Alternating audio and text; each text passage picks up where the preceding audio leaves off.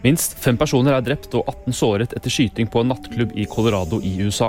Politiet fikk melding om skyting klokken 23 lokal tid, og rykket da umiddelbart ut med store ressurser til utestedet som er kjent for å være et sted for skeive. En person er pågrepet mistenkt for å stå bak angrepet.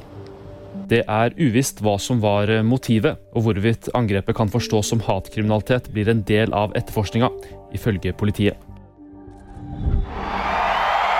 Donald Trump kommer tilbake til Twitter, det sier eieren Elon Musk.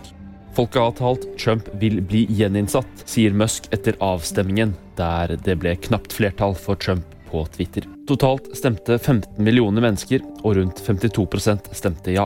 Trump var lenge en av de største kontoene på plattformen, frem til han ble utestengt i forbindelse med stormingen av Kongressen 6.1 i fjor. Om Trump faktisk vil returnere til Twitter er høyst usikkert. Lørdag uttalte han ifølge Reuters at han ikke har interesse av å komme tilbake. Det var nytt fra VG, og de fikk av meg, Alfred Lindbekk Nordtvedt.